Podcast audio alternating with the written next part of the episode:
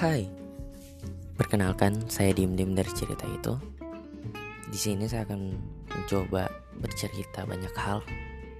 Semoga kalian senang mendengarkannya. Oke, sampai jumpa.